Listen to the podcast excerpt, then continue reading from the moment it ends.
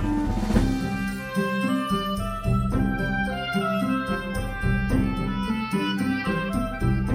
Welkom beste luisteraars bij weer een nieuwe kleine boodschap. Ja, welkom bij uh, alweer een, uh, een aflevering vol met reacties van luisteraars. Ja, we hebben er zoveel Tim en we willen ze gewoon een keer wel allemaal doorheen draaien. Ja, precies. Nou ja, allemaal. We hebben, moeten wel van tevoren zeggen dat we, we krijgen enorm veel reacties. Soms wel tientallen per aflevering, dus we moeten daar een, een selectie in maken. Een kritische selectie zelfs. Hebben we gedaan en we hebben inderdaad uh, nog, een, nog een aantal uh, reacties over. En uh, die wilden we vandaag inderdaad eens gaan behandelen. Ja, er zijn ook een hoop reacties en die zijn uh, vooral heel geschikt om via de mail te beantwoorden. Dus dat doen we dan natuurlijk op die manier. Maar dat is nu inderdaad een selectie van de reacties. Ja, voordat we beginnen met het, het uh, behandelen van een aantal van die, uh, van die super interessante reacties, willen we natuurlijk jullie allemaal ontzettend bedanken. Sowieso voor het feit dat jullie ons volgen en naar ons luisteren. maar vooral voor al die leuke reacties die we hebben mogen ontvangen. En Paul, zoals jij al zei, we lezen ze allemaal en waarderen, we waarderen ze allemaal enorm. Maar we kunnen ze dus niet allemaal behandelen. Dat zou ook heel saai worden voor, voor alle andere luisteraars. Maar wees gerust, we lezen ze allemaal. En uh, ja, zo nu en dan maken we eens de tijd om, uh, om een aantal reacties uh, te behandelen, zoals vandaag. Zeker. Zullen we beginnen met de mail van Ivo Jansen? Ja. Die stuurde ons in jullie laatste aflevering over reacties van luisteraars. Zei Tim, trek die zo'n pellencatalogus maar open. En dat heb ik als brave luisteraar dan ook gedaan. Zelf zie ik zeker mogelijkheden voor een groot aantal attracties. Bijvoorbeeld een Demolition Derby. Dat is dus zo'n attractie waarbij je twee van die draaischijven hebben, waarbij de karretjes van de ene naar de andere overgaan. Dus dan gaat draaien eigenlijk uh, achtjes. En dan krijg je meestal zo'n flinke zwiep omdat je draairichting dan uh, verandert. Ik vind dat zelf heel toffe dingen. Uh, hij zegt, die lijkt me erg passend Efteling. Het neemt weinig plek in en het geeft een redelijk unieke ritbeleving die je niet veel ziet in pretparkland. En Ivo gaat verder. Een twist and bounce zou ook leuk zijn en moet wel in te passen zijn in de Efteling sfeer. En ook een disco coaster uh, zou leuk zijn. En is prachtig te, thematiseren. Kijk naar de disco blix in Park Asterix. En hij schrijft nog, verder zou ik sowieso een octopus willen zien verschijnen. Ik vind het een van de leukste rides die er zijn. En ze hebben een redelijke capaciteit. Er zijn ook veel heftige attracties op de site van Zampella. Ik weet niet of je dat kunt verwachten in de Efteling. En ze zijn ook een stukje lastiger te thematiseren. Vanwege de zware hydraulische armen. Die nu eenmaal een sterk industrieel uiterlijk moeten hebben. Wat me eigenlijk nu pas te binnen schiet als ik dit type. Is dat er blijkbaar een legio mogelijkheden zijn voor infills. Maar dat de Efteling dit eigenlijk stelselmatig afhoudt. Waarom doet de Efteling dit? Zijn ze bang dat ze dan simpel als stereotype lunapark worden gezien? Of vinden ze het simpelweg niet bij de Efteling passen? Ik kan namelijk niet geloven dat ze die modus niet kunnen thematiseren. Je kunt met de lava al heel veel doen en zo'n molen laten werken alsof hij op stoomkracht werkt. Je zou kunnen doen alsof Pardoes de molen heeft betoverd en er een kleine voorshow aan toevoegen. Met hoe en waarom hij dit heeft gedaan. Misschien kun je zelfs het karakter van Pantagor inzetten voor een wat heftigere attractie. Maar lijkt de Tourbillon, of zoals het, de Tourbillon? Tourbillon. Tourbillon. Uh, dan erg leuk. Deze is trouwens niet van Zambella, maar van ABC Rides. En als je deze overdekt, dan kun je ook nog een leuk symbolicaans gebouw van maken, maar dan wat duisterder. Ik hoor graag van jullie en misschien weet Tim wat meer van de beweegredenen vanuit zijn werkervaring in de Efteling. Wonderlijke en welwillende wensen naar jullie allebei. Nou, bedankt voor de mail, Ivo. Ja, super interessante vraag. Ja, want hij stelt een paar vragen eigenlijk. Ik denk dat de belangrijkste wel is van, hoe zit het nou met de Efteling en invuls? Want dit hebben ze inderdaad heel bewust jarenlang afgehouden. Ja, ja vooral de laatste decennia. In de jaren, jaren 80 uh, kan je wel van een aantal invulattracties spreken natuurlijk. Ik denk eerlijk gezegd zelf dat het een beetje een luxe probleem is. Ik denk dat, dat de Efteling uh, zichzelf al best wel lang uh, de eisen oplegt van als we een attractie bouwen, dan moet het echt een goede attractie zijn die een goed thema heeft, die een verhaal vertelt en die een flinke impact heeft en ook zorgt voor een stijging van bezoekers. En dat realiseer je natuurlijk met een goede achtbaan, met een goede dark ride, met een goede show, maar niet zozeer met een, een infill. Ja, wat infills eigenlijk doen is het, het attractieaanbod vervolmaken. Maar ja, een invul heeft toch niet uh, snel eenzelfde impact als een nieuwe achtbaan of een nieuwe dark ride. Volgens mij was Olaf Vugst ook een van de mensen die dit ook echt heeft uitgesproken. Dat ze gewoon minder wilden focussen op invuls. Ja, ik kan even, ik weet even niet zeker of dat het Olaf Vugts was, maar er is inderdaad best wel een lange periode geweest dat de Efteling echt niks van invuls moest hebben. Dat klopt inderdaad. Ik denk dat ze wel een beetje op terug aan het komen zijn, want een paar van de dingen die we bij monden van Combertus al hebben gehoord over het uh, gebied rondom de Circus Coaster die er aankomt, rondom Grand Circus Balancé. Daar werd al genoemd dat daar een compleet themagebiedje werd. Ik weet niet of het letterlijk heeft gezegd, maar volgens mij tussen de regels door kun je wel lezen dat er ook wat kleinere attracties bij zouden komen. Ja, dat, en... dat is uh, letterlijk gezegd. Uh, volgens mij ook door Koen Sanders, de, de directeur. ik wou zeggen Imagineering, maar dat heet tegenwoordig anders bij de Efteling geloof ik. Maar hij heeft dat inderdaad bevestigd dat daar ook invuls moeten komen. Ik denk eerlijk gezegd ook dat, dat de invul lange tijd een beetje een, een, negatieve klank heeft gehad binnen de Efteling. Hoor. Dat een invul werd geassocieerd met goedkope pretparken met, uh, met kermissen, met, met attracties zonder thema. Wat eigenlijk heel onterecht is, want je kan een infill natuurlijk net zo goed thematiseren en voorzien van een verhaal als je dat kan doen met een, een Dark Ride of een, of een achtbaan of een Madhouse. Ja, en ik denk ook dat ze op een paar plekken er wel rekening mee hebben gehouden dat er een infill bij zou kunnen. Je kunt je best voorstellen dat ja, bij Bron 1898 wordt misschien een beetje krap. Maar daar zou je naast het drop, de pleintje wat eigenlijk erachter ligt als je vanaf uh, Piranha komt aanlopen, zou best wel iets kunnen staan. En ook bij Symbolica daar heb je het Harthofplein natuurlijk, het ronde plein naar links van het uh, gebouw. En dat is ook een groot rond plein waarvan je het idee van ja, waarom was het niet gewoon nog een stuk groen gebleven of zo? Want ja, dat had ook prima gekund, maar er is al een rond plein. Daar zou je bijna zoiets op kunnen zetten, weet je wel. Dus ik denk wel dat er dat ze er wel rekening mee houden, maar dat het misschien soms budgetair even de been schiet, maar dat ze de voorbereiding al wel treffen. Dus heel erg uh, koffiedik kijken hoor. Maar ik denk dat ze er wel weer meer die kant op gaan, want uh, invuls hebben wel een rol in het park. Hè? Want als je natuurlijk de, de ruige attracties zet, vooral bij de achtbaan en zo, dan is het best wel fijn als daar wat kleins bij staat. Zoals een Polka Marina bijvoorbeeld, waar de kinderen in kunnen. Ja. Terwijl uh, de grote kinderen uh, dan naar de achtbaan gaan of iets spectaculairs. Ja, en ik denk ook dat de Efteling het ook hard nodig heeft. Hè? Want je ziet dat de Efteling steeds meer bestaat uit, uh, uit losse themagebiedjes. Uh, die niet per se de rijkstructuur volgen, maar vaak kleiner zijn. En zo'n los themagebiedje bestaat nu vaak uit, uit een grote attractie en eventueel een horecapunt. Maar eigenlijk mis je daar. Hè. Vaak heeft zo'n attractie een bepaalde doelgroep. Uh, die is lang niet altijd geschikt voor het hele gezin.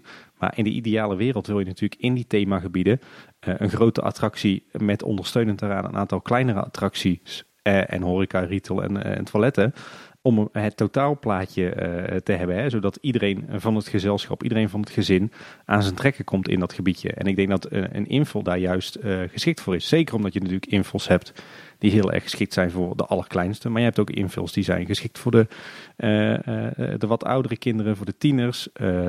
Maar ook bijvoorbeeld, je zou ook een, een, speeltuin of een waterspeeltuin zou je natuurlijk ook als een invul kunnen zien. Hè? Ja, inderdaad, mensen van de pad af. Hè? Het is gewoon best wel een attractie. Tenminste, het zijn, er zijn wel invuls die redelijk veel capaciteit hebben.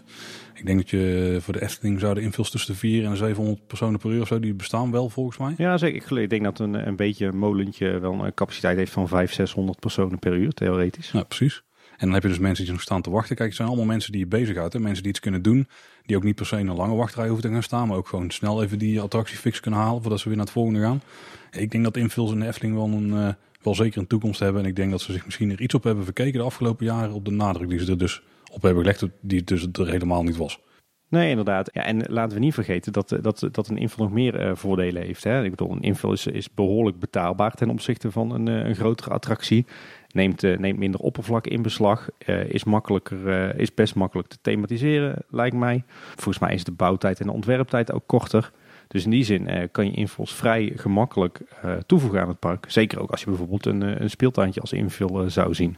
Dus ja, ik, ik zie eigenlijk alleen maar voordelen op dit moment van het toevoegen van invuls aan het attractieaanbod van de Efteling. Ik denk het ook en ik denk ook dat we zeker gaan zien verschijnen. zeker als een circus achtbaanproject, als dat van start gaat. Maar hopelijk ook nog op andere plekken in het park. En we hebben nog steeds Polka Marina, Tim. Daar moet er iets voor terugkomen. Ja, we hebben nog steeds vrij hardnekkige geruchten dat Polka Marina weggaat. En ik hoop toch echt wel dat we daar een vervangende invul voor terug gaan zien. Ja, ik, uh, ik hoop het met je mee. Ja, Ivo die noemde trouwens in zijn mail ook een aantal types. De meeste van Zamperla, hè, een, een Demolition Derby, een Twist Bounce, een Disco Coaster en een Sombrero. Uh, en van ABC Rides ook nog de Tourbillon. Ik moet zeggen dat ik er toch best wel van schrok wat voor uh, apparaten dat uh, allemaal wel niet zijn. Ja, ze hebben best flinke bij uh, Zamperla. Hè? Vooral ja. die Disco Coaster die is sowieso heel groot. Die zie ik inmiddels op best wel veel plekken trouwens. Ja. ja dat is volgens mij ook best een uitdagend attractietype. Dus je hebt verschillende varianten waarbij je naar binnen of naar buiten kijkt. Heb jij er veel gedaan, veel disco coasters? ik heb er nog geen één gedaan volgens mij. Ik heb ze wel veel gezien, maar... Die krijgen ze dan overal? Nou ja, dat is misschien een beetje tegenstrijdig met uh, wat we net vertellen. Maar als ik naar een park ga, dan ga ik wel, wel meestal in de grote attracties. Maar dat is ook omdat ik er niet heel veel kan doen per se. Er stond bijvoorbeeld wel eentje in Abu Dhabi ook uh, in, het, in het park daar. Ja. ja, ik was al net weer in, uh, wat, net in die Batman attractie geweest. En dan kan ik het niet echt maken om daar ook weer in te gaan als papa alleen zonder kinderen. En zo. Dus ik kom meestal niet echt naartoe. En, en, ze zijn natuurlijk ook wel, ik weet niet, het ziet er wel uit als echte puke rides. En toch wel enigszins een afschrikkend effect op mij, dat soort attracties. Ja, disco coasters zijn op zich wel redelijk misselijkmakend. Ja, daar ben ik met je eens. Ik heb in ieder geval die in Movie Park Germany een aantal keer gedaan. En ook die in uh, Plopsaland te Pannen. Die is mhm. trouwens echt ontzettend gaaf gethematiseerd. Die staat er in het uh, Wiki de Viking uh, gebied. Echt een heel tof ding. Nee, ik denk als ik kijk naar de suggesties van Ivo, dat ik zo'n uh, Demolition Derby, zeg maar zo'n Monsje Cannibal 2.0, dat ik die nog wel in de Efteling zou willen zien verschijnen. Natuurlijk wel heel anders gethematiseerd. En zo'n disco coaster, die, daar kan je volgens mij ook nog wel heel wat leuks van maken met, met een leuk thema of een goed verhaal. Maar eh, eh, die, die Twist and Bounce en die Sombrero en zo'n Tourbillon, dat zijn toch allemaal behoorlijk heftige kermismolens. Die zie ik dan nog minder snel in de Efteling verschijnen. Ja, ik denk dat het nadeel van die attracties ook is, vooral bij de Twist and Bounce en Sombrero, dat die van die, of de, de octopus, dat die van die arm aan de bovenkant hebben. En vooral daar is qua thema natuurlijk wel lastiger om er iets van te maken. En die uh, tourbillon, dat is echt gewoon een enorm groot, want voor iedereen die even niet weet wat het is, ik moest het ook even checken. Er zijn eigenlijk vier of drie van die ringen die in elkaar passen. En uh, die draaien dan onafhankelijk van elkaar. Zoals je ook wel van die uh, speeltjes hebt, zeg maar. Van die Zero-G-achtige apparaatjes volgens mij. dan heel groot. Maar in het midden dus een bank zit die eigenlijk gewoon alle kanten maar op kan draaien. Als je ergens volgens mij super misselijk van wordt, dan is dat ding wel. Ik denk dat die voor de Efteling een, een, een, tandje te hoog is. Ik denk dat dit meer een soort Six Flags attractie is. Maar dat het dan daar ook al een beetje van het niveau is van daar gaat niet iedereen in. Nee, het is best wel uh, heftig kermisspul, zeg maar. Ja, zeker. Hey, en even voor de vuist weg, uh, Paul. Uh, wat zijn wat jou betreft geschikte invuls voor de Efteling? Die Demolition Derby, dat vind ik denk een van de meest toffe. Maar dat is ook vooral omdat ik heel erg goede ervaring heb met die, um, die Cars attractie die in Disneyland Parijs staat. Want dat is ook zo'n Demolition Derby-achtig ding. Ik vind dat echt een heel tof attractietypetje. Zeker voor een kleine. Ja, wat vind ik nog meer tof? Kijk, als de Polka Marina weggaat, dan hoop ik er eigenlijk wel iets op modeachtigs wat op en neer gaat. Dat is toch wel, wel oké. En misschien ook van die mini droptorens. Niet omdat het dan per se goede droptorens zijn, maar gewoon omdat die programma's die daarin zitten, die zijn wel, wel geinig. En het zijn gewoon leuke, ja, leuke instapattracties voor de kinderen. En daar is best wel van te maken, zoals we al eerder uh, met ideeën hoorden van andere luisteraars. En wat hij ook nog aanhaalt is uh, bijvoorbeeld een Pardoesmolen. Uh, ik heb er ook nog wel een ideetje bij. Ik denk alleen niet dat het een heel goedkoop idee is. Je hebt bij Disney's California Adventure in Anaheim, daar heb je een attractie die heet volgens mij ook ja, dat is zo'n attractie ook van Cars. En dan gaan die voertuigen allemaal dansen. En dan uh, die, die schuiven tussen elkaar door en die, die draaien rond en zo. Dus je hebt dan eigenlijk een soort... Uh, eigenlijk is het bijna een soort theekopjesattractie, maar dan, dan is het met trackless vehicles. Dus die kunnen gewoon alle kanten op en alle verschillende dansmoves maken. Die hebben volgens mij verschillende muziekstukken. Is dat een beetje zo'n uh, zo'nzelfde als die, die je ook in Tokyo Disney Sea terugvindt?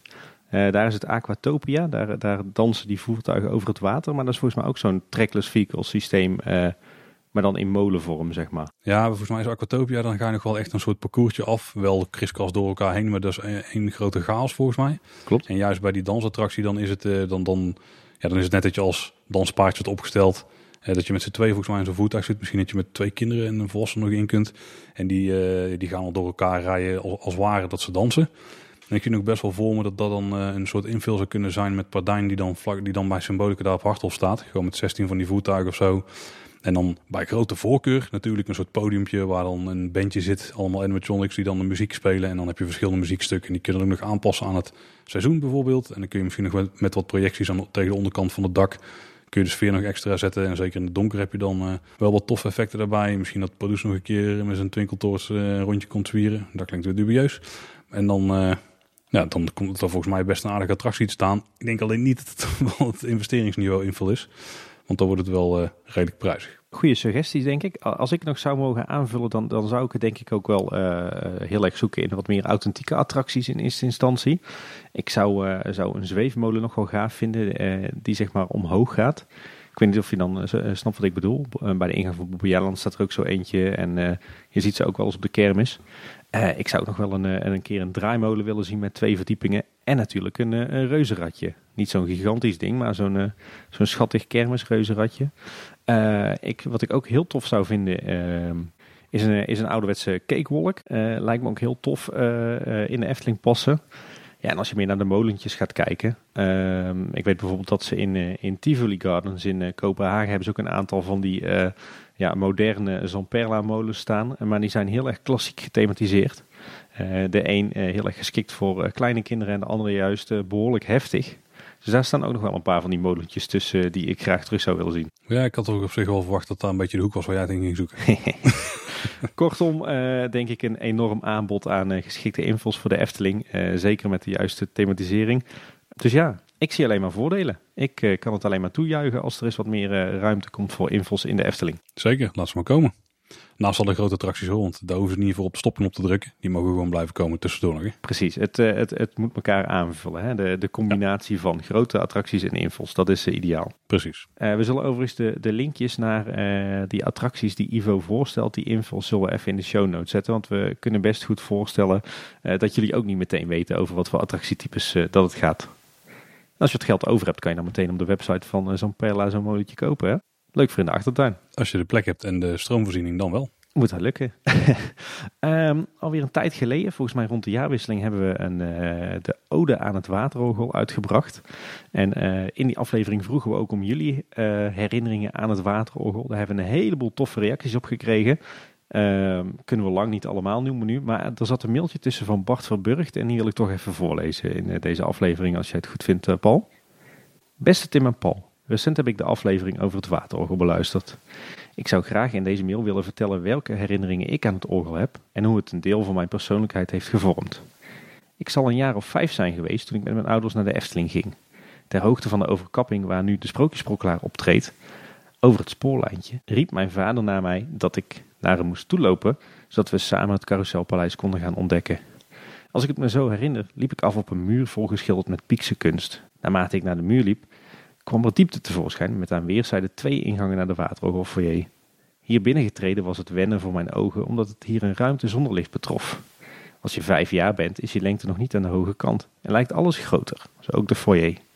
Aan het eind van de grote hal, in de donkerte, dansten waterstralen op de muziek van de kermisklanten. Als kind had ik nog nooit zoiets gezien en al snel liep ik er naartoe om dit spektakel te aanschouwen. Het was iets moois om naar te kijken als kleine jongen. Terugkijkend op de jeugdsentiment leert het me ook wat over wie mijn vader was. Helaas heb ik acht jaar geleden afscheid van hem moeten nemen. Het was iemand die van rust hield. De waterorgelfoyer was op dat moment tijdens mijn bezoek naar mijn herinnering een plaats van koelte, rust en vermaak. Een plek waar je je even van de drukte kon afzonderen. Het was een plek wat het heksenpad voor mij nu is. Een verborgen pareltje. Mijn jeugdsentiment is met vele duizenden andere fans iets wat de Efteling in het verleden waar heeft weten te maken. Iets wat tot op de dag van vandaag waarschijnlijk nog zelfs in tastbare staat in diezelfde ruimte staat. Het Carouselpaleis is een plaats van historie, nostalgie en herinnering. Dit maakt het uniek in de Efteling. Ik vind dat de Efteling het jeugdsentiment wat het heeft weten te creëren nieuw leven in moet blazen om ook voor deze jonge generatie dat moment van verbazing vorm te geven. Naar mijn mening heeft de Efteling nog steeds de verantwoordelijkheid naar de gast toe om duidelijkheid en helderheid te verschaffen. Als het aan mij ligt hoeft er geen geheel nieuw waterorgel te komen. Alleen een duurzaam waterorgel met oude vervangbare onderdelen is genoeg om de herinnering te doen herleven. Tim en Paul, bedankt dat ik weer even heerlijk heb mogen wegdromen bij toch wel een dierbare herinnering waar ik anders nooit aan terug had gedacht. Met vriendelijke groetjes, Bart Verburgt. Mooie mail Bart, dankjewel. Ja, super bedankt. Heel tof om uh, die persoonlijke herinneringen zo te horen. En uh, naast de mail van Bart hebben we dat uh, zoveel meer gehad en daar hebben we ook van genoten. Dus dank jullie wel. Ik kreeg ook een mailtje van Alex. Hij schreef, ik was random wat oude afleveringen aan het terugluisteren en met name de aflevering over thematisering, et cetera. Ik zou het gaaf vinden wanneer jullie eens een aflevering willen wijden aan attracties van andere parken, Moviepark of Fantasieland of iets dergelijks. En hoe dan deze in de Efteling zouden worden weggezet. Als voorbeeld, hoe zou Taron of Black Mamba eruit komen te zien? Of Star Trek Operation Enterprise, leuk voor Tim. Of de Blue Fire Mega Coaster uit Europa Park. Veel succes verder met de leuke podcast. Groetjes Alex. Ja, toffe vraag weer. Misschien een beetje groot voor deze reactieaflevering, maar ik heb een manier bedacht, Paul, waarop we uh, nu toch even snel wat van kunnen gaan vinden. Leg de spelregels uit. Ja, uh, eigenlijk heel simpel. Noem uh, drie attracties uit andere parken die jij graag in de Efteling zou willen verschijnen. En op wat voor manieren zou je ze dan aanpassen? Dus bijvoorbeeld een ander thema geven of iets dergelijks. Ja, de meest voor de hand liggende bij mij is natuurlijk de Tower of Terror. Die zou ik naar de Efteling halen. Dan moet je een paar afleveringen terug even voor gaan kijken hoe, ik het dan zou aanpakken. ja, ik, ik, weet niet of dat die, uh, dat die redelijk dicht bij het originele thema moet blijven.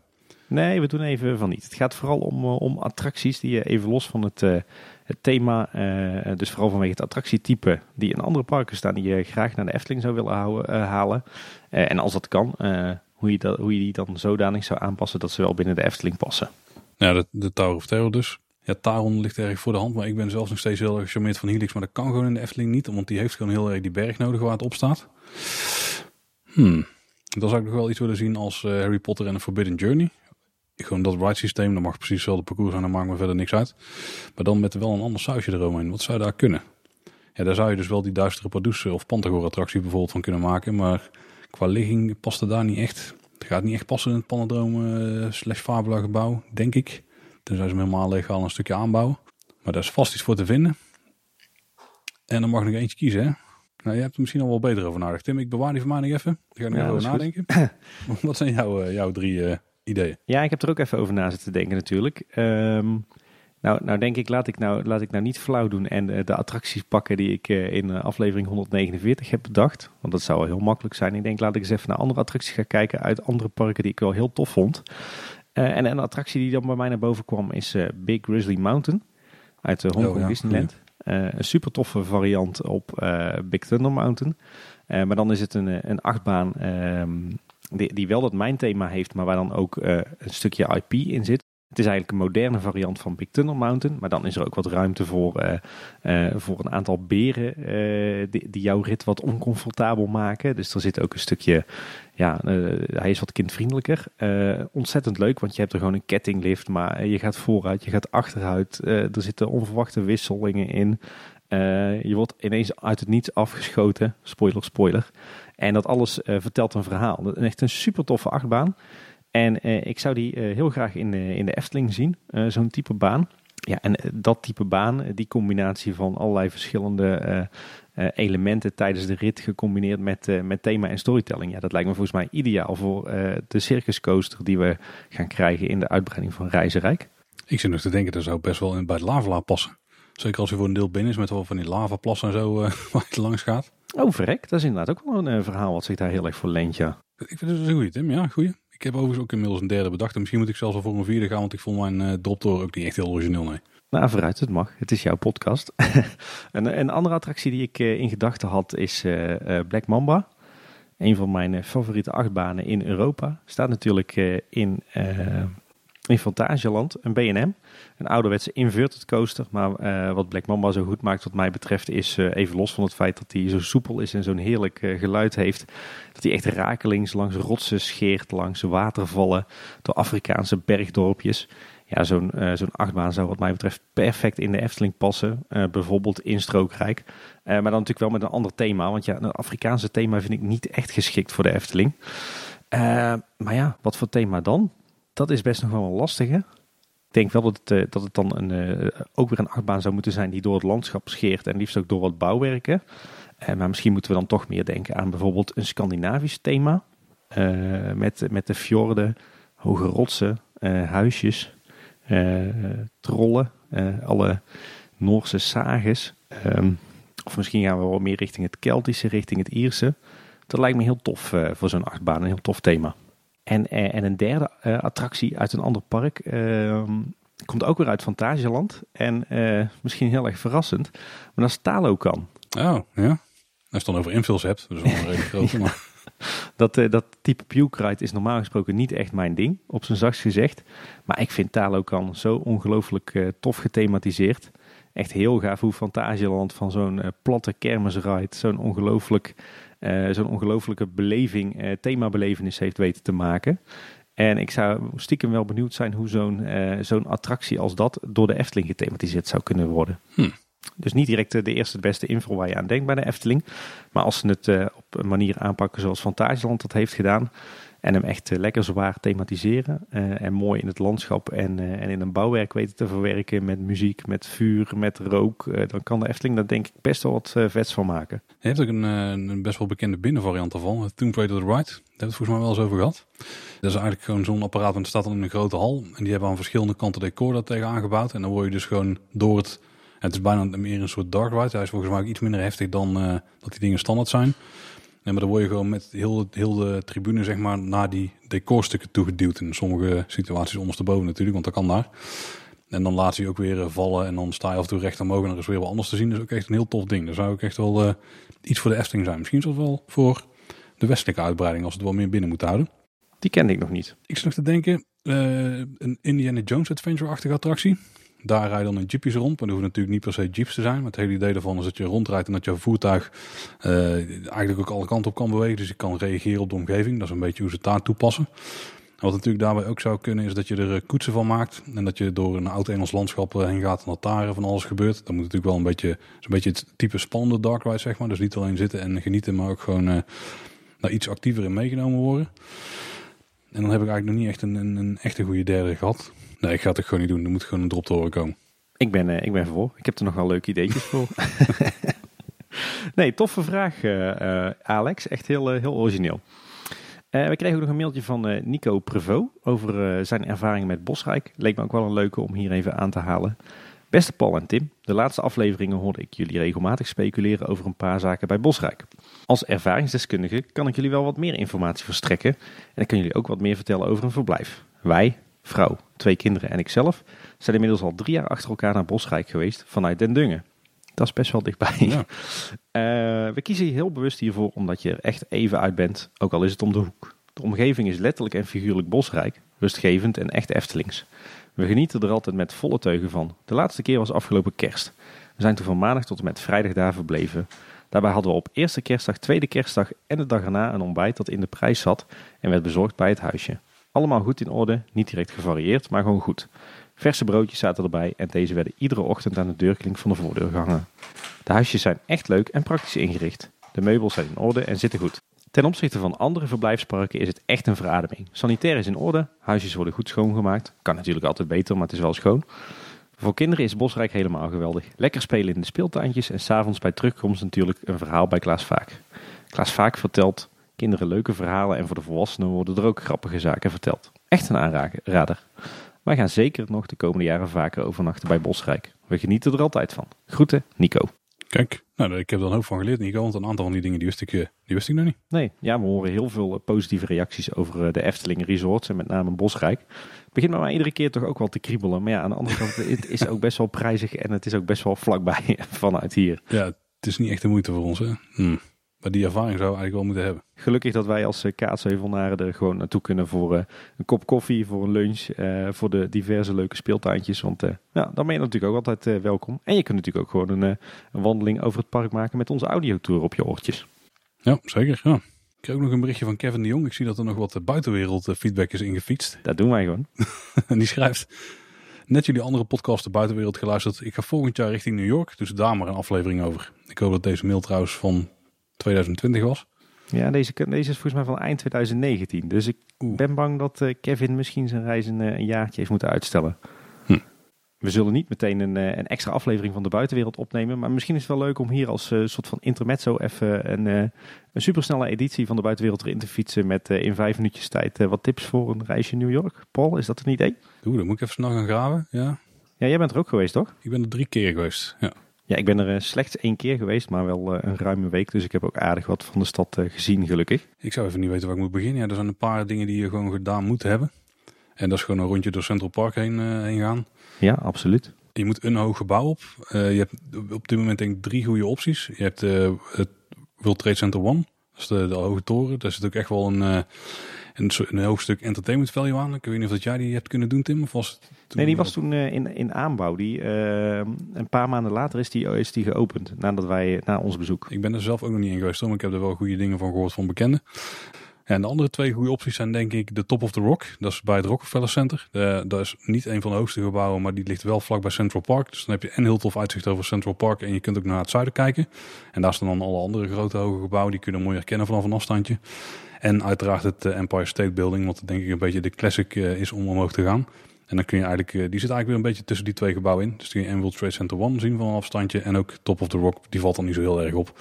maar dan kun je wel in ieder geval ook alle kanten van New York in kijken. Dat is echt een hoge plek om het allemaal even te checken. Ja, de Empire State Building is inderdaad de classic. Wij, wij zijn toen bewust naar de Top of the Rock gegaan. Het hoogste gebouw van het Rockefeller Center. En daar is het minder druk. Omdat je daar ook een heel vet uitzicht hebt op het Empire State Building. En het leuke aan Rockefeller Center is ook dat het eigenlijk een compleet blok is hè, van gebouwen. Met, uh, met, met radiostudio's en, uh, en mooie winkels en een schitterend parkje. Dus als je wat hebt met de architectuur van begin 20e eeuw. Weet je, zo die Art Nouveau uh, periode die je ook wel een klein beetje terugziet in bijvoorbeeld de Tower of Terror.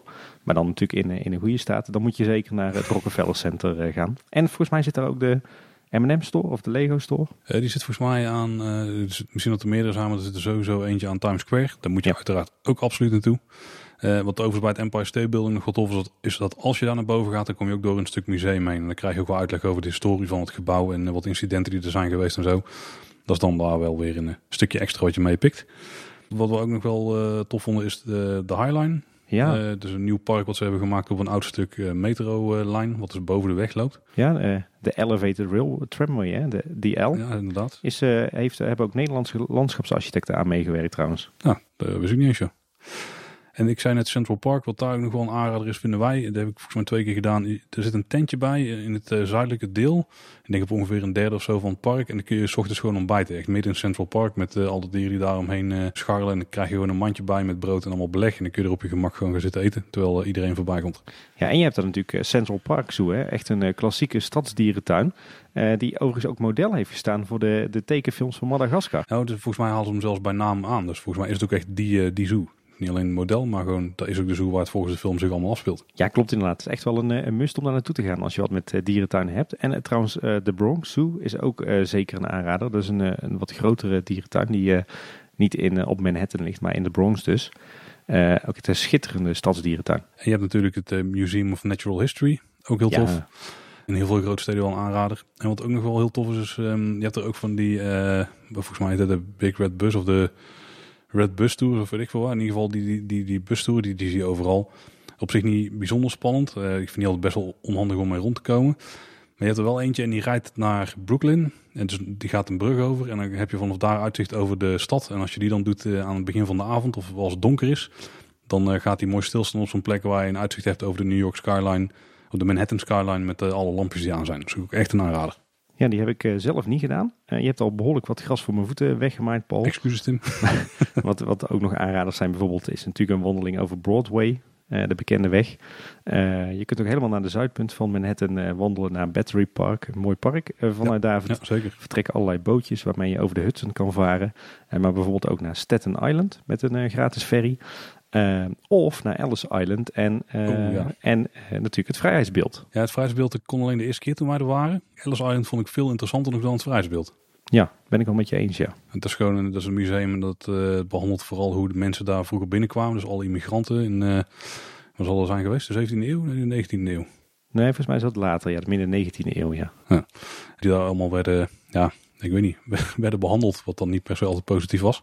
Nee, dat was een beetje het, eh, het, het, de plek waar ze allemaal aankwamen en werden uh, gecheckt en geselecteerd en werden ingeschreven. Ja, super interessante plek. Ja, wat ook nog leuk is als je een keer wat anders wilt doen, is een wandeling langs uh, door Riverside Park, langs de Hudson. Dan kom je uit in Harlem. Dat is ook een totaal andere wereld dan, dan Manhattan. Moet je wel een beetje stevig in je schoen staan trouwens.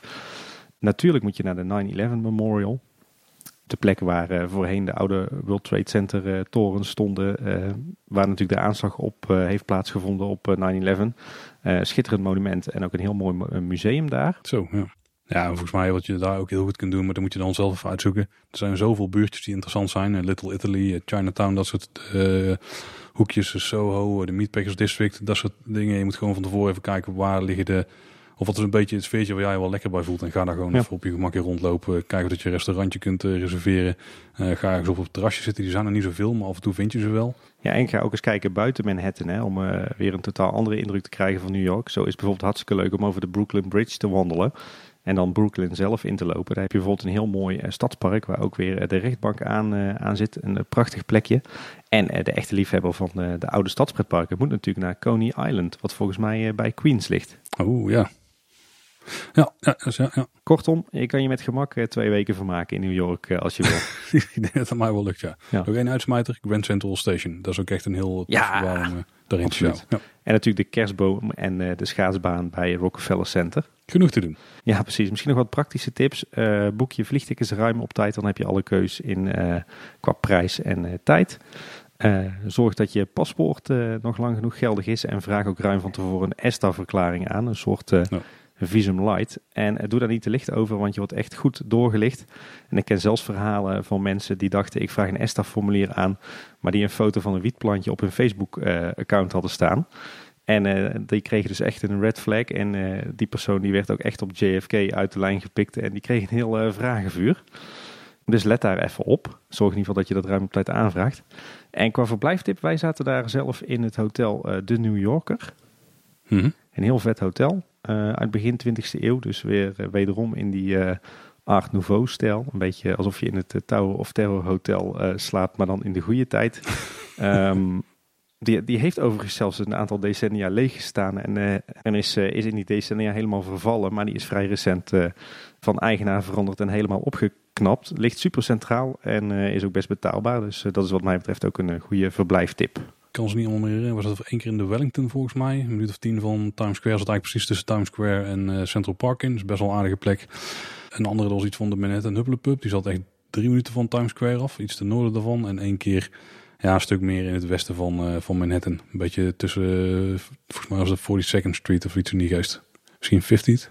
Nou, dus iets, in die geest. Nog één tip. Eh, zorg dat je creditcard hebt. Oh ja. Want eh is daar qua betalen wel veel makkelijker. En met cash rondlopen schiet het uiteindelijk niet echt op. En eh, de, de dubbele tip. Check naar de rand even je afschriften voor een maand of twee, drie. Want eh daar kan nog wel eens wat gefraudeerd worden. Zeker als je bij wat eh, meer shady restaurantjes komt en zo. Eh, is mij in ieder geval overkomen. En nooit te zuinig eh, met voor je, hè? Dat helpt je ook heel erg. eh. Check even van tevoren, dat werkt inderdaad. Heb ik mijn eh, JFK-ervaringen wel eens verteld, Tim? volgens mij wel. In de podcast ook? Dat weet ik niet. Ik ben dus blijkbaar niet zo heel goed in vliegen. Eh, maar ik ben er dus een keer geweest. Toen had iemand anders mijn tickets geboekt. En die had dat gedaan onder mijn, eh, gewoon onder Paul Sprangers. Maar dat is niet echt mijn doopnaam of zo. En daar had ze op de heenweg niet echt op gelet. Dus ik was gewoon op een gemakje naar New York toe gevlogen. Alleen toen stond ik dus op de, voor de terugweg in te checken bij JFK. En toen zeiden ze van, eh, ik weet niet van wie de ticket is, maar die is niet van jou. Want dit is niet jouw naam. Want op jouw paspoort staat dit en op de ticket staat iets heel anders. En toen dacht ik, oh, oké. Hoe gaan we dit nou regelen?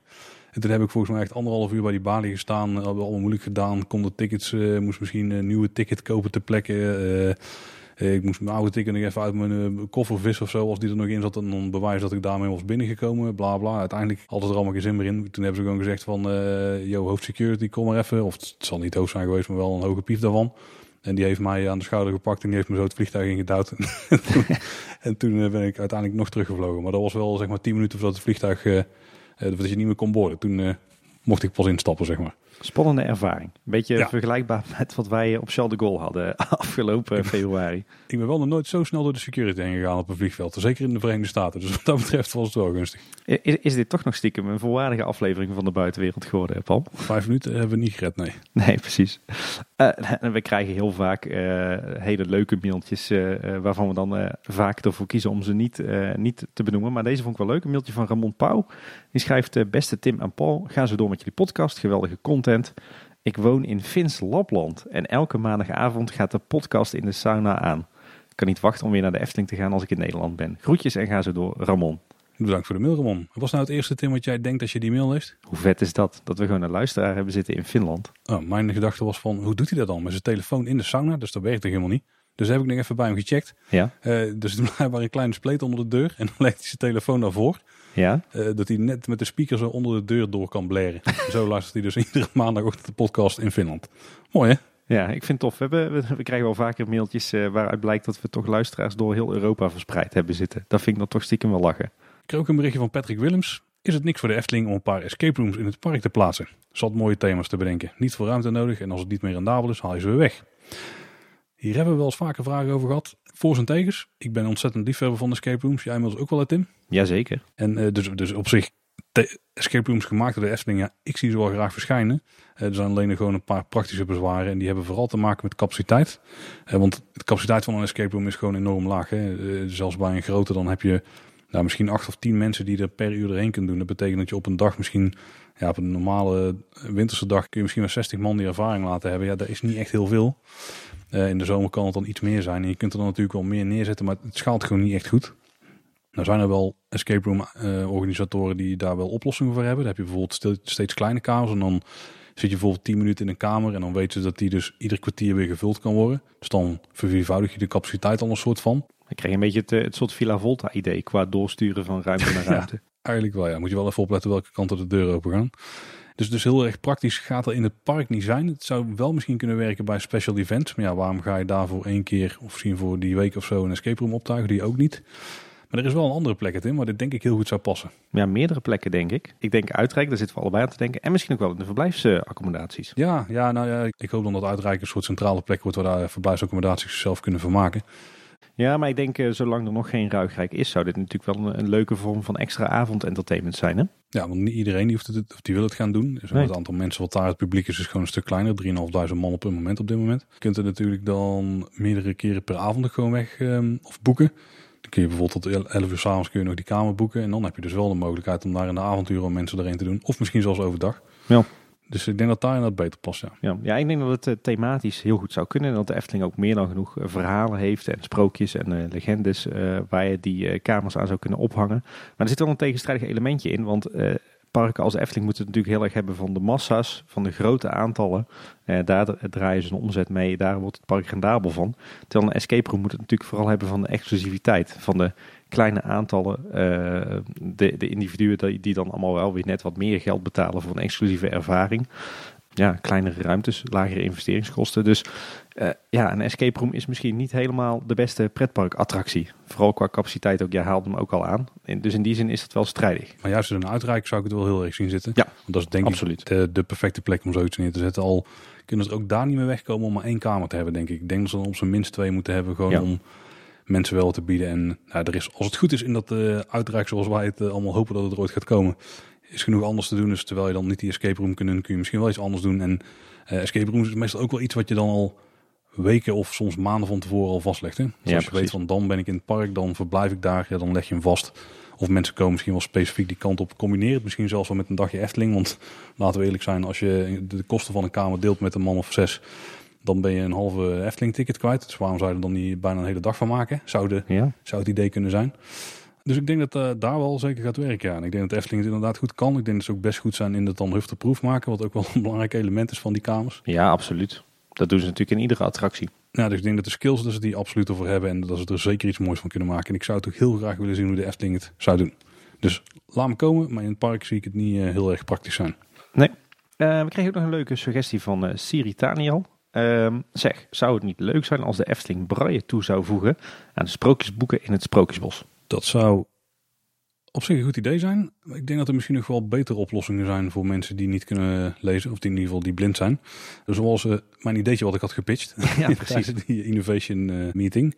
En dat is dat je via je telefoon de sprookjesboeken aan je voorgelezen kunt hebben. Ik denk als ze een braille sprookjesboek zou hebben, dan zou die denk ik los moeten staan van het normale sprookjesboek. Omdat je anders gaat blokkeren waar die staat. En daarna is dat je ze ook moet gaan eh, zoeken. En dat het misschien ook voor een blind iemand wel lastiger is. Je kan wel iemand die ziend is die erbij is, kan jou er wel naartoe leiden.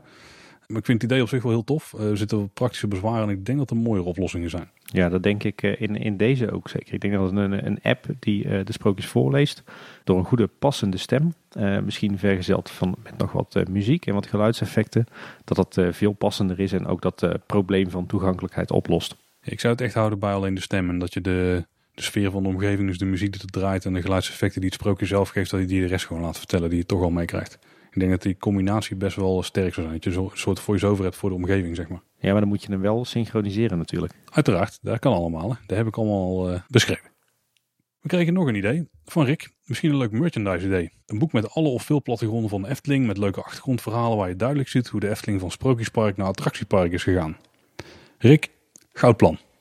En ik zou hem zelfs nog op twee manieren willen insteken. Het zou me enorm tof lijken als we een boek krijgen met eh, misschien niet alle plattegronden, maar wel alle grote stappen die de plattegronden van de Efteling hebben gemaakt. Maar wat me ook heel tof zou lijken, is als we misschien zelfs in de nieuwe plattegrondstijl van de Efteling daar een reis door de tijd maken van hoe het park er in al die tijd uit heeft gezien. Oh, dat is creatief. Daar zou me echt goud lijken. Dan, dat je dus, want de huidige plattegrond is redelijk op schaal, zeg maar. Niet alles is exact zo, maar de gebouwgrootte die kloppen aardig en de paden ook.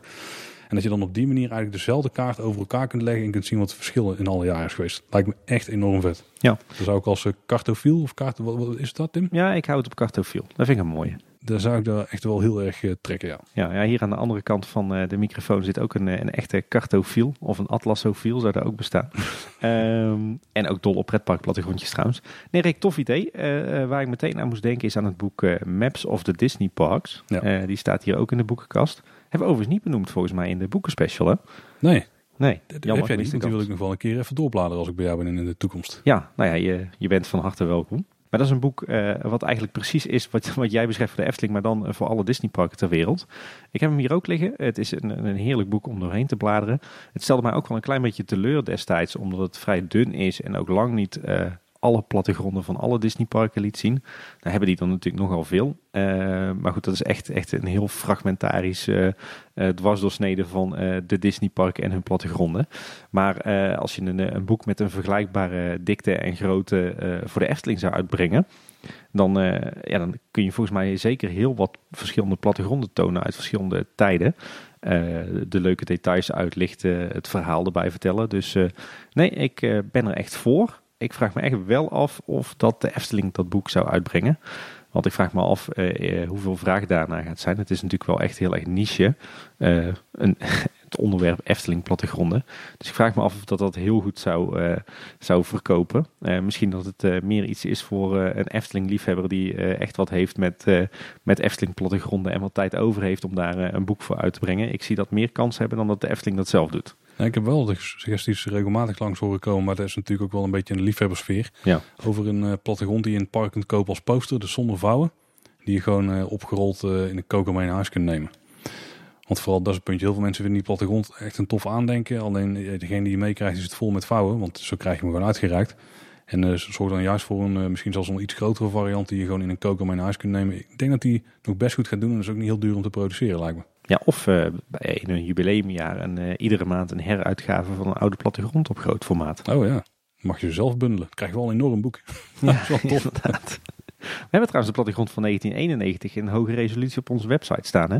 Ja, en ik heb er laatst een eentje gekregen begin jaren 80 volgens mij. Dus was al jaren 70. Ja. Moeten we misschien een keer digitaliseren. Daar gaan we nog wat doen. Wij kunnen, we hebben zelf ook nog steeds de vraag liggen om uh, eens een plattegrond uit een ander jaargetal te gaan bespreken. Dus gaan we, gaan we misschien nog wat doen binnenkort. We kregen best wel een spannende mail van Arjen Boerman. Die schrijft... Kan iemand uitleggen waarom het volk van Laaf zo fantastisch is? Ton van der Ven heeft fantastische dingen gemaakt, maar dit vind ik een dieptepunt. Niet de herkenning die het Sprookjesbos wel biedt, niet de sensatie die Dark Rides en achtbanen bieden. Ik schaam me bijna om het te zeggen, maar ik vind het een saai stuk Efteling waar je betere dingen mee kunt doen. Terecht dat het een dood stuk Efteling is. Gedurfde uitspraak, Arjan. Daar zijn we beide mee eens, Tim. Ehm, nou, eh, in de basis niet, maar ergens snap ik ook wel weer een klein beetje wat Arjen bedoelt. Maar goed, vertel. Nou, kijk, weet je wat het is? In het volk van Laaf wel zo'n plek is waar je... Je moet daar wel jezelf in kunnen verplaatsen, zeg maar. Je moet er wel voor openstaan dat daar iets is wat je misschien niet kent. Ik vind zelf bijvoorbeeld herkenbaarheid in sprookjes niet per se nodig. Als het maar heel mooi is uitgebeeld, gewoon uh, is neergezet, dat, het, dat je echt een soort sfeer brengt. En ik denk dat vooral het scheppen van zo'n sfeertje, dat het volk van daar echt enorm goed doet. En dat is een van de redenen dat ik die plek zo tof vind. En ik vind het ook heel tof dat het een, totaal kloppend gebiedje is. Ja, oké, je hebt die monorail erin. Uh, Tom was er ook niet echt een fan van, uh, begreep ik. Maar als je die even negeert, dan is het gewoon wel een heel tof gebiedje met een, met een ja, oké, een redelijk vergezocht verhaal, maar dat, klopt verder wel met, het, met wat daar staat. Ook, dat, ook, wat details die geven ook wel aan dat het werkt. Zoals gewoon het hol waar de, of de, de grot waar ze dan uit zijn geklommen bijvoorbeeld. Gat in de grond en uh, het wordt dan ook leuk verteld. Het zijn vooral die huisjes en die scènes, die zijn gewoon heel tof. Ik kan daar wel redelijk goed mijn tijd volmaken, zeg maar. Ik vind het altijd een soort van opgevoerde variant van het kabouterdorp heb je ook een paar van die kleine scènetjes uh, met, waar je gewoon gaat staan te kijken. Daar wordt ook niet echt een verhaal verteld. En ook dat vind ik een van de mooiste stukjes van het Sprookjesbos.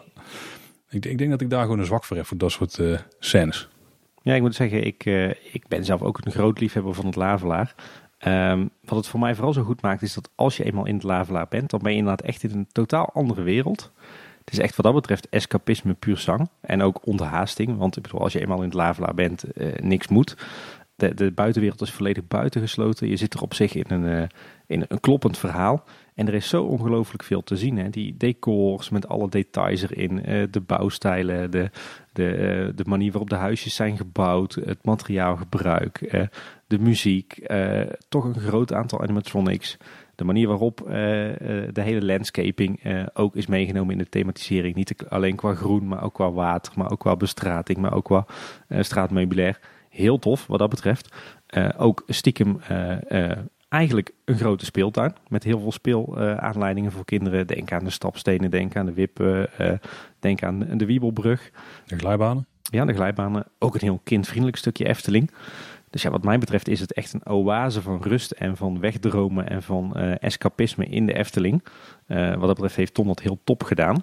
Aan de andere kant, Arjen, ben ik het wel met je eens uh, dat het qua attractiviteit niet heel veel is. Hè, als je dan nog bedenkt dat er eigenlijk eh, op het laatste moment uh, de monorail nog is toegevoegd op bevel van de Efteling directie om toch nog iets van attractiviteit toe te voegen, dat, dat wil ook wel wat zeggen. Ik denk in die zin dat ik je, je opmerking wel kan volgen. Als, je, als je niet veel hebt met die onthaasting en als je ook geen kinderen bij je hebt en als je je niet kan verliezen in uren naar details staren, dan kan ik me voorstellen dat je het een uh, saai stukje Efteling vindt. Ik denk ook vooral dat het een bewijs is uh, dat je als je een goede attractie wil ontwerpen, dat je misschien toch eerst het attractietype moet kiezen en daarna pas het thema en het verhaal. Uh, want ik denk dat dat hier misschien dan, hè, als ik jouw redenering volg, Arjan, dat een beetje is misgegaan. Hier is iets gebouwd waarvan je je kan afvragen, was er vraag naar en voor welke doelgroep is het? Uh, dus in die zin denk ik dat uh, als je uh, toch tamelijk succesvol een attractie wil bouwen, dat je eerst eens een analyse moet maken van oké, wat missen we nog in het park op die plek? Wat is de doelgroep en wat is er dan een passend attractietype bij? En dan pas er een sausje overheen gaan gieten van thema en verhaal. Ja, dus daar kan ik wel iets mee. Ja. Ik denk wel dat ze het wel nog kunnen upgraden doordat die attractiviteit er wel meer komt. Ik weet niet per se of dat echt met een attractie moet zijn, maar gewoon iets meer scènes. Want het is, als je naar het hele gebied kijkt, dan is het vooral aan de buitenkant dus van alles te doen qua scènetjes dan. Hè. Dus je hebt uh, de bakkers, je hebt uh, mm -hmm. Lots uh, kraamhuis, je hebt dan boven nog heb je de brouwerij en je hebt de school, maar je zit eigenlijk een beetje allemaal aan de buitenkant. Je kunt daar word je wel naartoe getrokken, maar in het midden zit eigenlijk niks. Er is geen centrale plek voorbij het loerhuis waar je dan ja, nog meer te zien krijgt, zeg maar. daar staat natuurlijk wel een of ander pandje. Daar gebeurt op dit moment niks. Misschien dat daar iets mee gedaan kan worden. Maar ik vond dat je het net nog wel interessant aanhaalde, Tim. Want de Lavelaar is wel een uniek stukje Efteling. Hè? Het, ik heb het altijd wel een soort gezien als een, een, een soort aanvulling op het Sprookjesbos. Hmm. Uh, ook omdat het een beetje hetzelfde tempo heeft en zo. Wat een heel groot verschil is met het Sprookjesbos, is dat het Lavelaar is een van de weinige plekken waar je echt gewoon kunt dwalen en zelf, dingen, zelf tegen dingen aan kunt lopen. Ja, zeker. Je wordt op geen enkele manier gedwongen om een bepaalde kant op te gaan of om naar een bepaalde plek te gaan.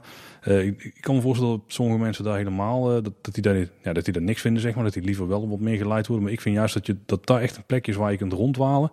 En een beetje zelf kunt ontdekken. Misschien ook gewoon dingen kunt missen. Uh, dat vind ik juist een van de sterke punten van het Lavelaar. Want ik, ik hou dus ook heel erg van escapisme. En juist daar komt er heel erg terug. Ja, en die onthaasting. Het is echt een oase van rust. En wat mij betreft mag het dat ook altijd wel blijven. Ik, ik denk dat de enige manier om het Lavelaar te reanimeren, als je dat uh, echt per se zou willen, dus om het echt populair te maken, is om er toch uh, erbij in de buurt een grote publiekstrekker te bouwen.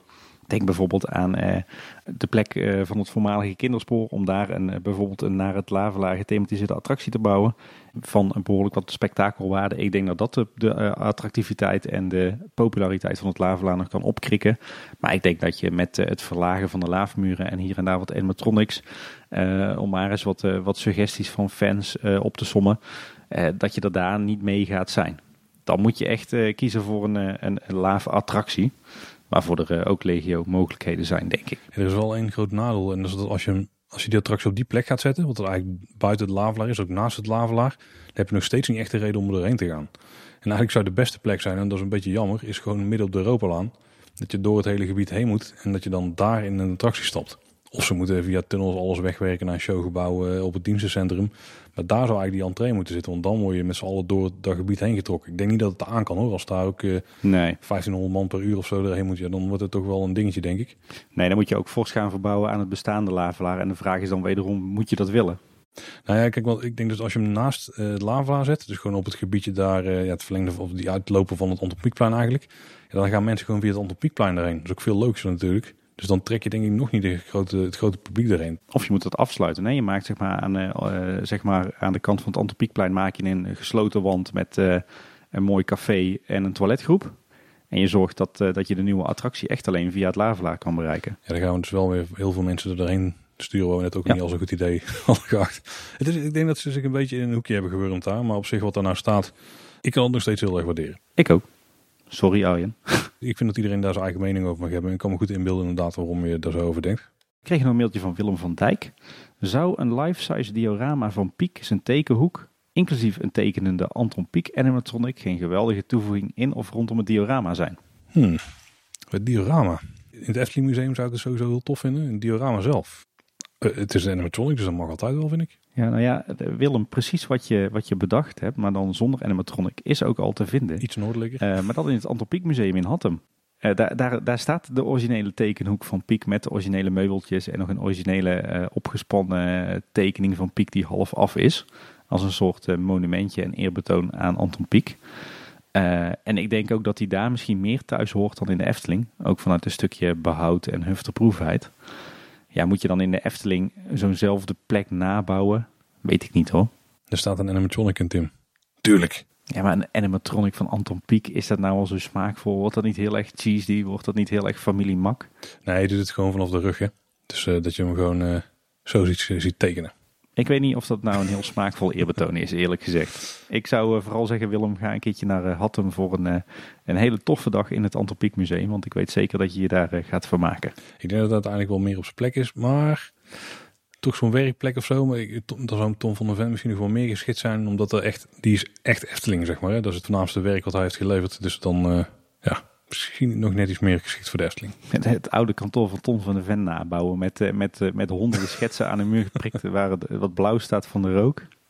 Ik zie het helemaal voor me. Dat moet dan wel achter glas, anders dan mag het niet meer van de gezondheidsinspectie. nee, We kregen nog een berichtje van Gilbert den Dunnen. Ik weet niet waarom of waar het vandaan komt, maar ik denk opeens, zou Baron van Munchausen ook niet passen in de Efteling? Ja, ik weet niet, het is een beetje ingewikkeld hè? Ja, dat is het verhaal volgens mij van, uh, van die beste man die zichzelf liet afschieten uit een kanon, toch? Nou, ik heb het even opgezocht en het is een, een man die nogal sterke verhalen vertellen uit Duitsland. Maar volgens mij is hij van origine Russisch. Die tijdens zijn oorlogsleven allerlei heldendaden zou hebben verricht.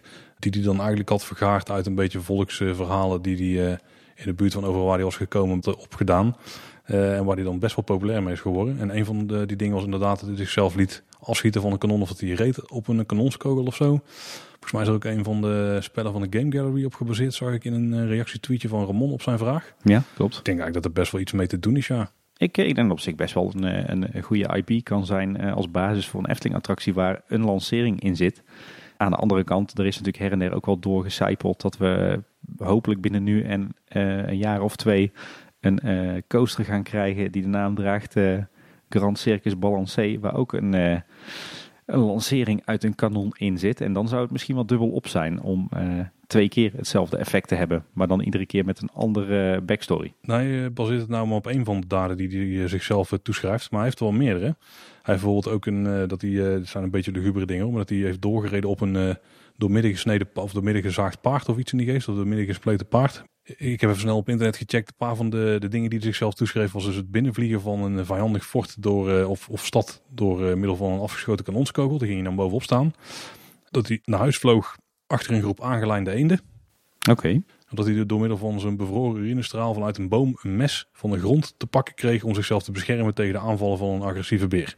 Bijzonder. Bijzondere kerel. Heeft er nog wel meer van die verhalen, onder andere dus met het de halve paard en zo. Uh, wat hier misschien nog wel aardig zou zijn is als je een soort speelgebied zou hebben.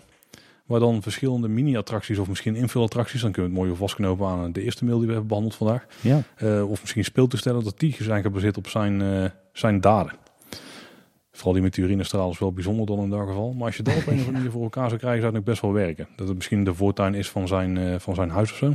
Ja, het is op zich, het, het klinkt mij wel interessant in de oren. Het heeft wel wat potentie en het past denk ik ook wel binnen dat historiserende, fantasierijke thema wat we in heel de Efteling zien. Minder lokaal, maar uh, ja, klinkt mij wel uh, als uh, interessant in de oren. Ik, wil er nog wel eens over hebben, Tim. Want jij haalt het regelmatig aan, het historiserende wat de Efteling wel eens aanhaalt. Maar dit doen ze eigenlijk pas sinds Villa Volta, toch? Ik zat eens na te gaan, ik kwam niet heel veel verder dan vier of vijf attracties die daar echt iets mee deden.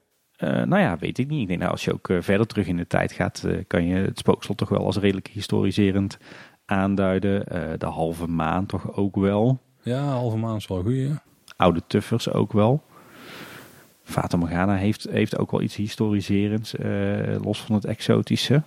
En inderdaad zo goed als alle recente attracties. Zoals een Draakvliegen Hollander, begon 1898. En, en laten we vooral niet weten, uh, niet, laten we vooral niet vergeten, het werk van Piek. Uh, wat toch de basis is geweest van de Efteling, zeker in de jaren 50, 60, 70 is natuurlijk ook een schoolvoorbeeld van historiserendheid. Hè? Ja, romantiserend hè? Ja, romantiserend en historiserend. Kijk, het is, het is natuurlijk oud, maar hij heeft ook gewoon dingen geschilderd van wat hij op dat moment zag natuurlijk. Maar goed, in dat het wel redelijk elkaar overlapt of in ieder geval elkaar niet bijt. Hm. Ik kreeg ook een mailtje van Jean, beste heren van Kleine Boodschap. In jullie podcast is er wel eens gefilosofeerd over een second gate. Een van die ideeën was, de Efteling van nu heeft als thema nostalgie, terugkijkend in de tijd. Een second gate zou dan logischerwijs een park van de toekomst moeten zijn. Dit idee werd terecht snel afgeschoten, omdat het maar heel beperkt houdbaar is. Gepresenteerde ideeën worden vanzelf achterhaald. Om dit probleem op te lossen zou ik voorstellen om gebruik te maken van retrofuturisme. Een park gebaseerd op de ideeën die ze in het verleden over de toekomst hadden. Stileer een second gate naar hoe ze de toekomst afbeelden in de jaren 50 en 60. Het zal nooit zijn dat je ideeën achterhaald blijken, Het zal nooit zo zijn dat je ideeën achterhaald blijken, want het is nooit de intentie geweest om de echte toekomst uit te beelden. En hij stuurt ons dan ook nog wat links naar uh, wat uh, visuals en uh, beelden die dan in zijn ogen meer spreken dan zijn uitleg. Die zullen we even linken in de show notes. En hij vraagt, wat denken jullie van dit idee voor een second gate? Ik denk dan meteen aan Disneyland Parijs. Ja, ik ook. Eigenlijk in hun, uh, hun versie van Tomorrowland, wat dan Discoveryland is, hebben ze precies deze truc uitgehaald. Ja, want dat is gebaseerd op de ideeën die Jules Verne bijvoorbeeld had. En die leefde toch in het midden van de 19e eeuw. Dat probleem was namelijk in de andere Disneyparken waar ze wel de uh, Tomorrowland hadden. Want daar hebben ze al meermaals nieuwe projecten gehad om Tomorrowland weer een beetje bij te klussen. Volgens mij zag Disney zelf al bij uh, de attractie die ze eerst hadden, Rocket to the Moon. Want toen waren we nog niet op de maan geweest als mensheid. En zodra er wel was gebeurd, toen hebben ze die we moeten ombouwen naar, uh, naar iets van Trip to Mars of iets in die geest. Toen moest het in ieder geval weer een Marsreis in één keer gaan worden. Want ja, dat was dan de volgende plek waar we naartoe gingen. Had op zich nog steeds wel gekund. Maar de styling van die attractie die was ook heel snel achterhaald. Dus wat jij schrijft, dat klopt absoluut. En ik vind zelf het steltje wat uh, ook Disney bijvoorbeeld hanteert in hun Discoveryland, vind ik zelf heel tof. Een beetje dat steampunk-achtige, wat, wat het toen met ja. futuristisch werd geassocieerd. Zeker in het oorspronkelijke Discoveryland, hè, nog met uh, de Mission One van Space Mountain, met uh, Le Visionarium. Dat was natuurlijk ontzettend tof. En ook met die plannen die ze hadden voor zo'n elektrische uh, gebaseerde coaster met twee van die Tesla-torens volgens mij. Of van die Tesla-coils waar dan allemaal stroom tussen de afvuren en waar ook nog wel, wel achtbanen omheen draaiden. Overigens is dat niet de enige plek in Disneyland Parijs waar je retro-futurisme vindt, hè? Nee, dat is ongeveer de rest van het park ook. nee, ja, dat bedoelde ik niet te zeggen. um, maar ook op Main Street USA, de Parijse versie, daar heb je aardig wat retro-futurisme. Met name uh, verwijzingen op uh, afbeeldingen die je in de winkels vindt, maar vooral ook in uh, de twee arcades. Ja, zeker. Ja, daar, daar, zit echt enorm veel retro-futurisme tussen. Heel tof. En ook in Fantasialand zijn ze natuurlijk druk bezig met de afronding van zo'n gebied. Het gebied van Fly. Dat is ook heel erg steampunk. Alhoewel steampunk en retrofuturisme natuurlijk niet per se hetzelfde zijn. Steampunk gaat dan toch meer richting fantasy, waar uh, retrofuturisme meer historiserend is. Maar uh, ja, ik ben zelf ook wel uh, groot fan van het retrofuturisme. Wel als het een klein beetje meer richting Main Street, USA en Discoveryland gaat.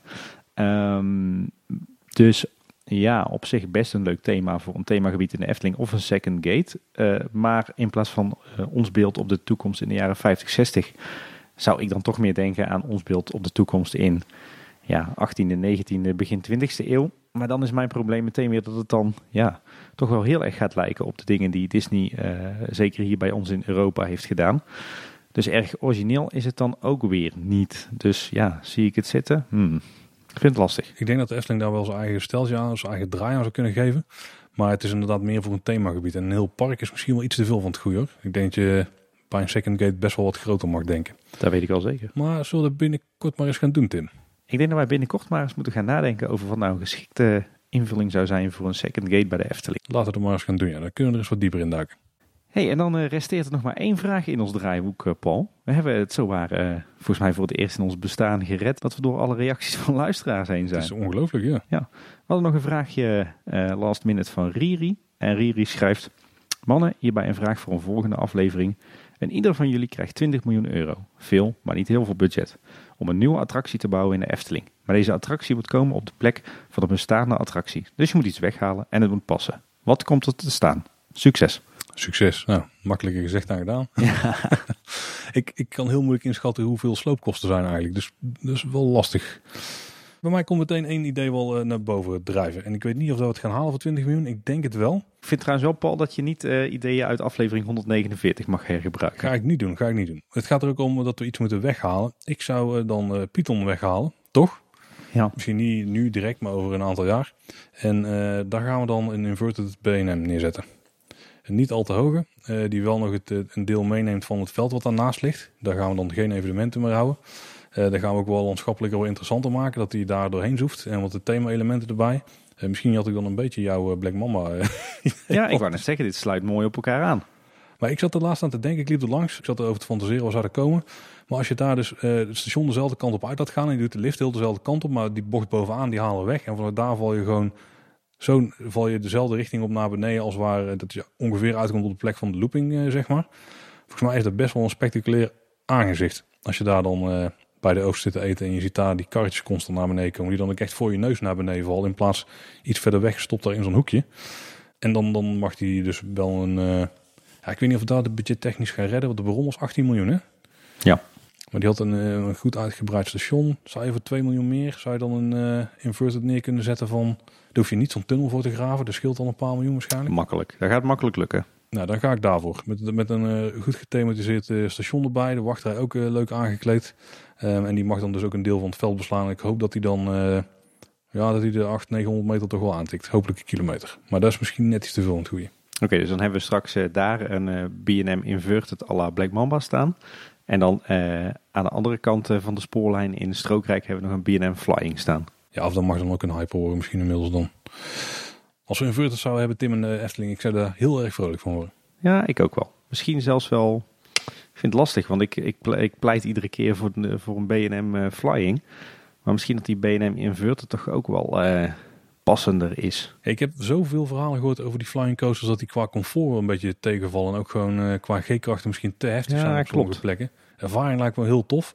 Maar zeker als je hem een beetje gaat maken van, het, van de hoogte waar ze zouden mogen bouwen, dan wordt het denk ik misschien te veel van het goede. Daarom ben ik, neig ik de laatste tijd steeds meer naar een inverted coaster op Strookrijk. Toch een B&M eh, Inverted en dan eh, op Strookrijk eh, ja, een Intermin Hypercoaster. Hyper, of zo hyper. Hyper, hyper. Ja. Zoiets ja, zoiets zou ik wel zien zitten. 20 miljoen moet je volgens mij best wel aardig kunnen neerzetten. Dan neem het slow budget even niet mee. Ik heb geen idee wat daar zou zijn. Oh nee, dat is een paar ton joh. Daar moet je eigenlijk niet druk om maken. Oké. Had jij daar een, een, sterk eh, gevoel bij al, Tim? 20 miljoen? Mm, ja, ik zit er een beetje mee dat er wat mij betreft niet heel veel gesloopt hoeft eh, te worden of mag worden in de Efteling. Ik vind het eh, voor een groot deel allemaal prima. Dan, dan blijf ik toch haken bij een Kleuterhof en een, en een Polka Marina en over een jaar of tien ook zeker een Fabula. Maar ja, op de plek van Polka Marina en Kleuterhof kan je natuurlijk niks spannends doen. Het wordt lastig om dat 20 miljoen euro uit te geven. Misschien een droptorentje precies daar. Eh, nee, ik heb daar wel wat andere ideeën over die iets meer ruimte eh, vragen, Paul. Mhm. Maar eh, ja, dan kom ik toch uiteindelijk uit bij, eh bij is natuurlijk wel net nieuw, of net eigenlijk een, een revamp van Pandadroom. Staat er nu inmiddels bijna 20 jaar. Nou, laten we eens zeggen dat die, dat die gebouwen een afschrijvingstermijn hebben van 25 jaar. Dan vind ik het wel verantwoord om die zo omstreeks eh, 2030 eh, alsnog te slopen. Hebben we mooi nog 10 jaar profijt gehad van, eh, van Fabula. Eh, en dan zou ik daar iets anders neerzetten. Eh, en ik dacht, ja, misschien toch goed om eh, toch nog iets van een schermenattractie in de Efteling te hebben, eh, ook op die plek.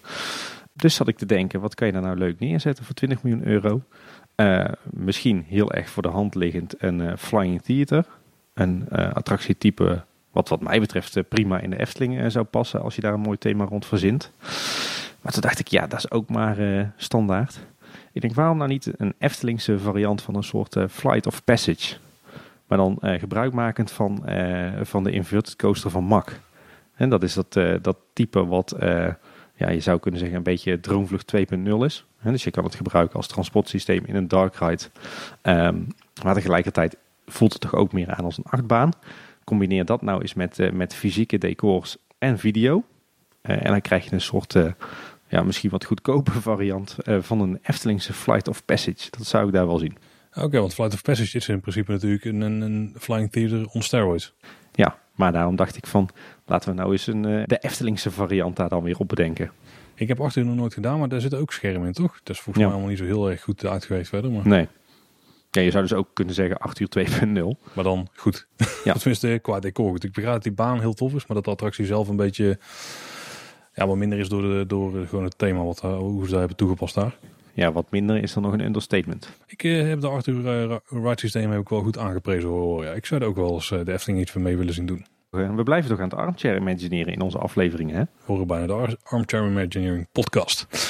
Die zal er best wel zijn trouwens. Straks even checken. Maar eh, nog even terug naar de Arthur systeem, want daar hebben we best wel wat ruimte voor nodig. Dan gaat hij ook wel naar buiten, denk ik. Hè? Ehm, Of blijft hij echt helemaal binnen? wat mij betreft blijft hij helemaal binnen, ja. Oké, dan moeten we misschien even kijken dat we dan dat ze ook boven het restaurant kunnen vliegen. Of gaat het er helemaal uit? Dat gaat eh, helemaal eruit. Die hele hamburgerdoos gaat helemaal eruit. eruit. Ja. Oké. Oh, heel de hamburgerdoos gaat eruit. Het hele gebouw gewoon. Op, Oh, oké. Dus de footprint mag ook iets groter worden. Maar goed, dit- ik schud eh, deze even heel makkelijk en snel uit mijn mouw. Eh, als we echt eh, een beetje realistische concepten moeten gaan bedenken, dan moeten we er een, eh, weer een aparte aflevering van maken. Laten we dat eh, nog maar even niet doen. Maar Meer voorbereidend werk. Maar het was wel Ja, een leuke vraag, zeker. ja, zeker. Leuk. Nou Paul, bijzonder moment. Ja. We zijn door al onze reacties heen. Ja, we kijken achter de schermen. We hebben dus een draaiboek en dan houden we al deze reacties bij. En dit is echt, uh, ik denk al meer dan een jaar een lijst geweest die ongeveer de helft, misschien wel meer van het draaiboek besloeg. En hij is nu gewoon leeg. Ja, komt ook wel een beetje omdat we er uh, toch uh, iedere week of iedere maand wel een keer flink met de stofkam doorheen zijn gegaan. Ja, ja. Met de vraag van welke van deze reacties zijn nou echt interessant voor andere luisteraars. En zijn nog relevant, want dat is ook niet altijd meer.